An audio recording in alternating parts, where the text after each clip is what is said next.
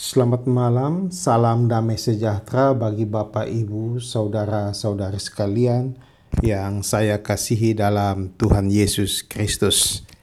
Kembali malam hari ini dalam renungan malam tanggal 21 Februari 2023 saya mengajak kita untuk sama-sama membuka Alkitab dan membacanya dari kitab Matius pasal 18 ayat 19 sampai dengan 20 di bawah judul tentang menasehati sesama saudara.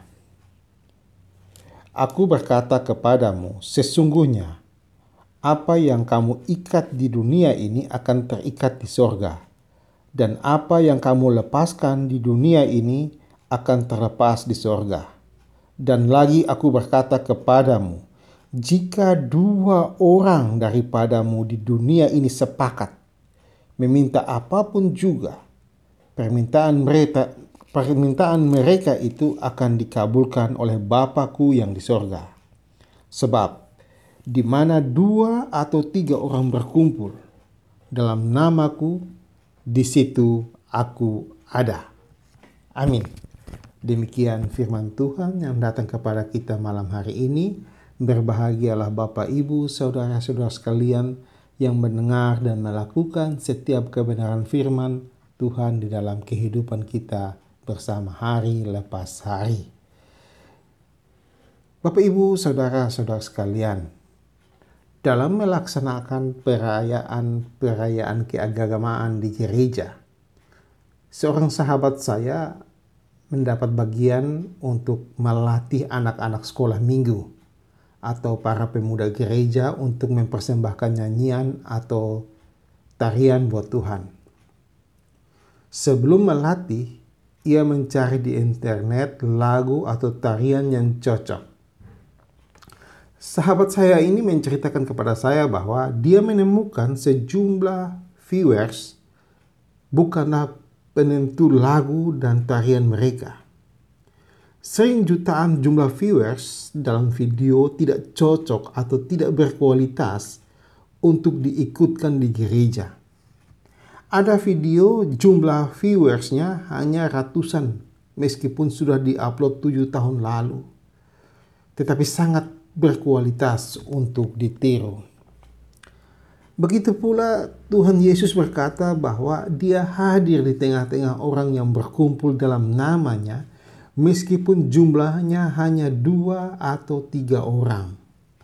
Tuhan Yesus bahkan mengabulkan doa mereka yang sepakat meminta atau memohon dengan kerendah hatian.